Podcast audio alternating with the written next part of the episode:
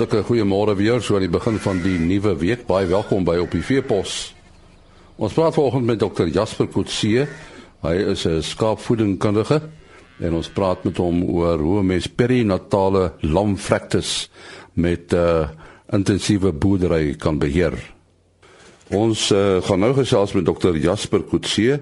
Hy is 'n uh, bekende professionele veekundige en 'n skaapvoeding en bestuurspesialis konsultant en uh, ons gaan 'n bietjie met hom praat oor presisie boerdery en vir hom vra uh hoe uh, perinet, perinatale uh, lamvrektes beperk kan word met uh, presisie boerdery. Hoe hoe gaan dit werk uh, Jasper uh, die uh, beperking van die die vrektes? Uh ons miskien moet ons eers perinatale lamvrektes definieer. Uh perinatale lamvrektes is lamvrektes wat uh, kort voor en tydens geboorte plaasvind tot uh, omtrent 7 dae na geboorte. So dit is uh, hierdie tipe vrektes wat ons so praat en omtrent 90% van alle lamvrektes vind in hierdie periode plaas. En as jy mens gaan kyk uh, wat is die grootste oorsaak van hierdie lamvrektes kan mense dit in twee kategorieë verdeel uh en dit is uh, die een is geboortestres wat dan moeilike geboortes is en die ander is wat ons noem die VVB kompleks wat dan bekend is uh, as verhongering, verwaarlosing en blootstellingskompleks. Met ander woorde, die lammes gaan dood uh, omdat daar nie melk of te min melk is. Verwaarlosing beteken die oeye gooi lammes weg en blootstelling die lammes vrek van 'n koue of 'n En uh, wat is dan die oplossing uh, of die, die strategie wat 'n mens kan uh, in werking stel om dit te voorkom? As ons kyk na navorsing wat plaaslik in Suid-Afrika en oorsee gedoen is, dan die oorsake van hierdie lamvrek, dus die meeste van hierdie lam uh, lammes wat vrek is verhongering. Met ander woorde, ons moet gaan kyk na die voeding van die ooi om meer melk vir die lammes te gee. So uh, daar is eintlik twee groot ehm um, oorsake van hierdie probleme. Dit is die voeding aan die een kant en die ander kant die lambestuurstelsel wat gevolg word. So as ons na die voeding kyk, is die belangrike ding om te onthou dat 'n lam wat gebore word moet uh, binne die eerste uh, 3 na 6 ure moet hy 50 ml bies inneem vir elke kilogram wat hy weeg. Met ander woorde, as die lam uh, 4 kg weeg, moet hy 200 ml bies binne 3 tot 4 uur inneem en sy totale melkinname moet wees 20% van sy liggaamsmassa. Dit beteken daai lam moet dan ehm um, uh, 800 ml bies per dag inneem en as dit koud is, gaan dit op na 'n uh, liter bies per dag. So as jy ooit 2 lamme het, moet jy ooit dan 2 liter bies per dag produseer. En die grootste probleem lê hierso dat oeye nie genoeg bies gee nie en die voedingsstof wat die grootste tekort is is deurvloeiproteïen en dit is waar die groot probleem lê dat boere hulle oeye nie genoeg deurvloeiproteïen voor lam gee om genoeg melk te gee en dit is waar meeste van die lamme vrek. Nou Jasper, die die die tydperk wat die uh oeye op die lamplek bly voordat hulle van die lamme geskei word, is is ook belangrik. Uh, hoekom is dit so? Die die navorsing wys dat um vir elke uh 5 meter wat 'n ooi van 'n lamplek uh af beweeg, uh binne die eerste 6 ure na geboorte, gaan die lampvrektes 5% op. So die navorsing wys dat 'n ooi na lam moet uh, om ongeveer 6 ure op die geboorteplek bly en die groot rede is is om die binding tussen die ooi en die lam te laat plaasvind. Hulle moet met mekaar bind. Met ander woorde, as enige iets gebeur, met ander woorde, uh die boer kom in die kamp en hy gooi die kos en die oeye hardloop van 'n lammes na die uh, kosbakke of dit kan 'n ongedierte of 'n dief uh, stal aanval wees wat die oeye en die lam skei binne 6 ure na geboorte kry ons gewellige hoë lampvrektes omdat die ooi en die lam nog nie gebind het nie want die lam en die ooi kan nie bind voordat die lam gesuip het nie. En daarom is dit van kritieke belang dat hulle bymekaar bly uh, die eerste 6 uur na geboorte. En al meer aanbeveel dat ooe in lamhokke lam sodat hulle daai kritieke tyd bymekaar is. En daardeur kan ons lamvektes afbring na uh, ons uh, uh, lamhokke kan die lamvektes afbring onder 5%. Die topboere se lamvektes is so laag as onder 2% in die lamhokke. Jasper, 'n telefoonnommer as mense vra het. Uh my nommer is 076 846 8800. Baie dankie Dr. Jasper Kutsie. Net jy daai telefoonnommer 076 846 8800. Maar nou eers veiling nuus. Kalahari Beef Masters hou op die 14de Oktober by die Vryburg skougronde 'n uh, eh, veiling en die aanbod is 30 bulle. Die veilingmaatskappy is Andre Kokkenseun. Daar's ook 40 vroulike diere. Met Vrystaat Bonsmaras hou op die 15de Oktober op die Bloemfontein skougronde 'n veiling. GWK bied die veiling aan en die aanbod is 45 bulle, 30 SP koeie en 120 kommersiële vroulike diere. Die algehele uitverkoping van Elite Kalahari Reds van Tolle Jordan vind ook op die 15de Oktober plaas en dit vind by Konrad Hertz Sebriana Estate mooi plaas plaas. En dit is 15 top ramme en 250 top oeye wat aangebied word. Die veilingmaatskappy OVK CMW. Go West to die veiling, dit vind ook op die 15 Oktober plaas by Kimberley. 25 geregistreerde bulle 20 dragtige koeie, 10 dragtige verse, 17 oop verse en die veilingmaatskappy GWK.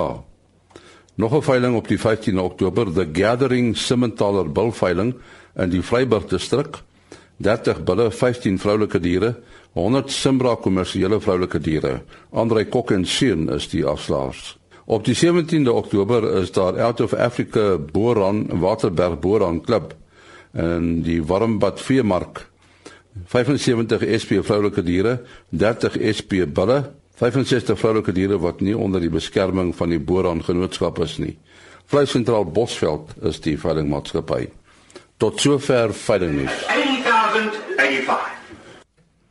Ons uh, gesels nou met met Gerrit van Sail van die Han Sail Bonsmara stoetery buite te Wetsdorp. En uh, hulle hou eers daar's 'n veiling. Wanneer is die veiling uh, Gerrit? Ja, Elie baie dankie. Eerstens baie dankie vir die geleentheid. Elie die veiling die 15de Oktober. Dis Woensdag. Uh dit is 11:00 die oggend by in Bloemfontein by die Bloemfontein se skoolgronde. Hou jy eenmal 'n jaar veiling of hoe werk dit? Ja. Elie, ons is 'n groep, ons is so drie ouens, ons is die Mid-Vrystaat Bosmara groep. Uh ons hou elke jaar 'n veiling. Hierdie is uh, ons 15de een. So uh, ons is baie bevoorreg om te sê ons het nou vir 15 jaar jy weet elke jaar kon ons jy weet het ons genoeg diere en ons die regte diere en ek dink ons word ook elke jaar beter en beter en beter en die kwaliteit word beter en en die aanbieding word beter so so ons is regtig ehm um, baie geseënd in daai opsig ek wil miskien net een ding sê dis ja ons al sleg wat hierdie tyd is dit so of of ons oor die doodmaak maande kom wat die natuur aan betref uh en ons hoop ook nie dit gaan ons hierdie jaar enigstens negatief beïnvloed nie omdat dit regtig die kwaliteit dink ek in die in die genetika is van hoogstand. Uh jy het nou so van die aanbod gepraat. Wat is die aanbod? En nie die aanbod is so om en by 50 bulle. Uh, jy het, uh, ons het ook daar die, uh, die vrugbaarheid en al die goeie so doen wat die bosmare genootskap doen is daar gedoen. Die die vrugbaarheid hierdie die veeartse is daar gedoen. Uh, so ons gaan so 50 bulle aanbied. En dan het ons hierdie jaar ook wat baie lekker is wat miskien anders as die vorige jare ons gaan omtrent uh 40 uh vroulike uh SP stoediere aanbied en dan uh dit 100 omtrent 100 uh, kommersiële dragtige diere. So al die diere is dan ook baie mooi getoets uh vir BM en TB vry wat ook sertifikate daar is so en dan die diere wat dan uh weet wat ook stoediere veral gaan almal dragtige is dragtige Nou uh, net net so ietsie oor uh, die die die stoet self. Uh, ek dink ons het 'n uh, vorige keer gepraat 'n paar seker jare of twee gelede. Toe was dit net na 'n uh, brand wat jy op jou plaas gehad het. Ja, hierdie is reg. Uh, ek moet sê uh, die brand was uh, maar 'n traumatiese ervaring vir my persoonlik. Dis die eerste keer wat ek nou so groot weet ontbyting verloor.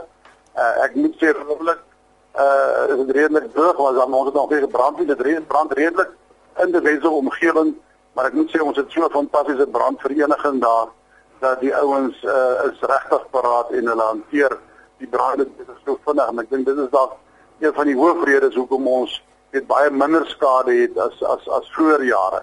So maar ek bedoel op die oomblik en ons het eintlik verlede jaar so 'n bietjie minder een gehad, so ons is op 'n bietjie op uh uh dit begin so 'n bietjie krisis word. Maar uh jy weet ons ons bly ons bly glo en ons bly hoop en ons bly positief uh want dit is maar die ek dink dit is maar die aard van van 'n boer. Jy weet uh, dat ons maar altyd moet positief bly en en, en môre is ons altyd beter as vandag. Ja, as jy nie optimisties is nie, dan moet jy nie boer nie. Nee, ek dink jy is heeltemal reg ja, want uh, dit is maar een plek ou waar ou se geloof eintlik in sy in sy tot sy volle potensiaal kom. Want ons in die natuur is en ons afhanklik is van dit van die natuur waar uh, waar ook ons nie ons kan nie na 'n winkel toe gaan en kan gaan reën koop nie. Uh, ons moet wag dat die liewe Vader dit vir ons gee. Ja, wat doen 'n man as dit nou 'n bietjie uh, min water het? Uh hoe bestuur jy jou kudde? Ja, en die die die, die, die ons het nog nie water, jy weet ondergrondse water. Ek verstaan dat van die dele van die land waar die ondergrondse water en veral die ouens wat met met met, met damme werk, uh jy weet gronddamme en goed het bietjie probleme. Ons het nog nie daai probleme nie, maar maar jy weet ek dink ag daar is maar planne ons weet wat ons nou maar die nuwe tegnologie is, maar ons maak amper die kampies kleiner. Ons skuif die beeste uh, weet vinniger en al hierdie goed. So en en en dan weet ek dink ons is maar besig om uit die aardvriendsak baie mooi te kyk na na ons na ons natuurlike water in die bronne en so aan. So maar ek bedoel dit is maar ja, dis maar deel van die ding want as, as as dan nie water is nie dan um, jy weet dit kan die beeste eintlik nie se waard nie. Hulle is meer afhanklik van water as van gras. So daar's om altyd nog so ietsie om te vreet. As die water nie daar is, so ons ons ons beskerm en ons en ons bewaar die water regtig baie mooi. So as die water skaars is, dan uh, dan moet jy meer intensief boer, né? Weet jy, die, die water is natuurlik net maar eintlik 'n gegewe, maar as plaas van die van die weiding, jy weet ek dink ek dink in die ou in die ouer tye het ons gesê man, ons maak die hekke oop en dat die beeste weet gaan vir hulle veld soek. Maar ek dink die nuwe tegnologie gaan oor en dan is ons ook sommer besig na die om ons grond uh, biologie te verbeter en al hierdie goeters. Is dat ons sê kom ons maak die kampies kleiner, uh, kom ons druk bietjie die beeste bietjie meer vas uh, ek wou amper sê ek wil nie van hierdie ultra hoë dring maar dit gaan nou nog meer druk opsit. Maar ek praat van kom ons kom ons effektief bewy elke grasspruit amper op die plaas. En dis eintlik wat ek wil sê is kom ons wees net nog meer effektief in die bewyding uh, van van die van die spesies wat daar is.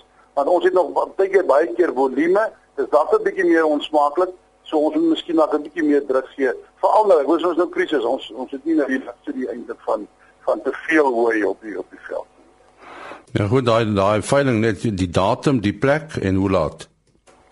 En ja, baie dankie. Dit is uh, die 15de Oktober uh, om 11:00 in Bloemfontein by die skougronde. Hulle kan my daar sou sal wegwysertjies wys met sulke rooi uh, billetjies op. Ons billetjies uh, en dit sal jou baie mooi lei na die na die uh, na die area. En dis waar soos waar is. Nee, ons sê baie dankie aan Gerrit van Sail. Môreoggend is ons terug. Tot dan, mooi loop.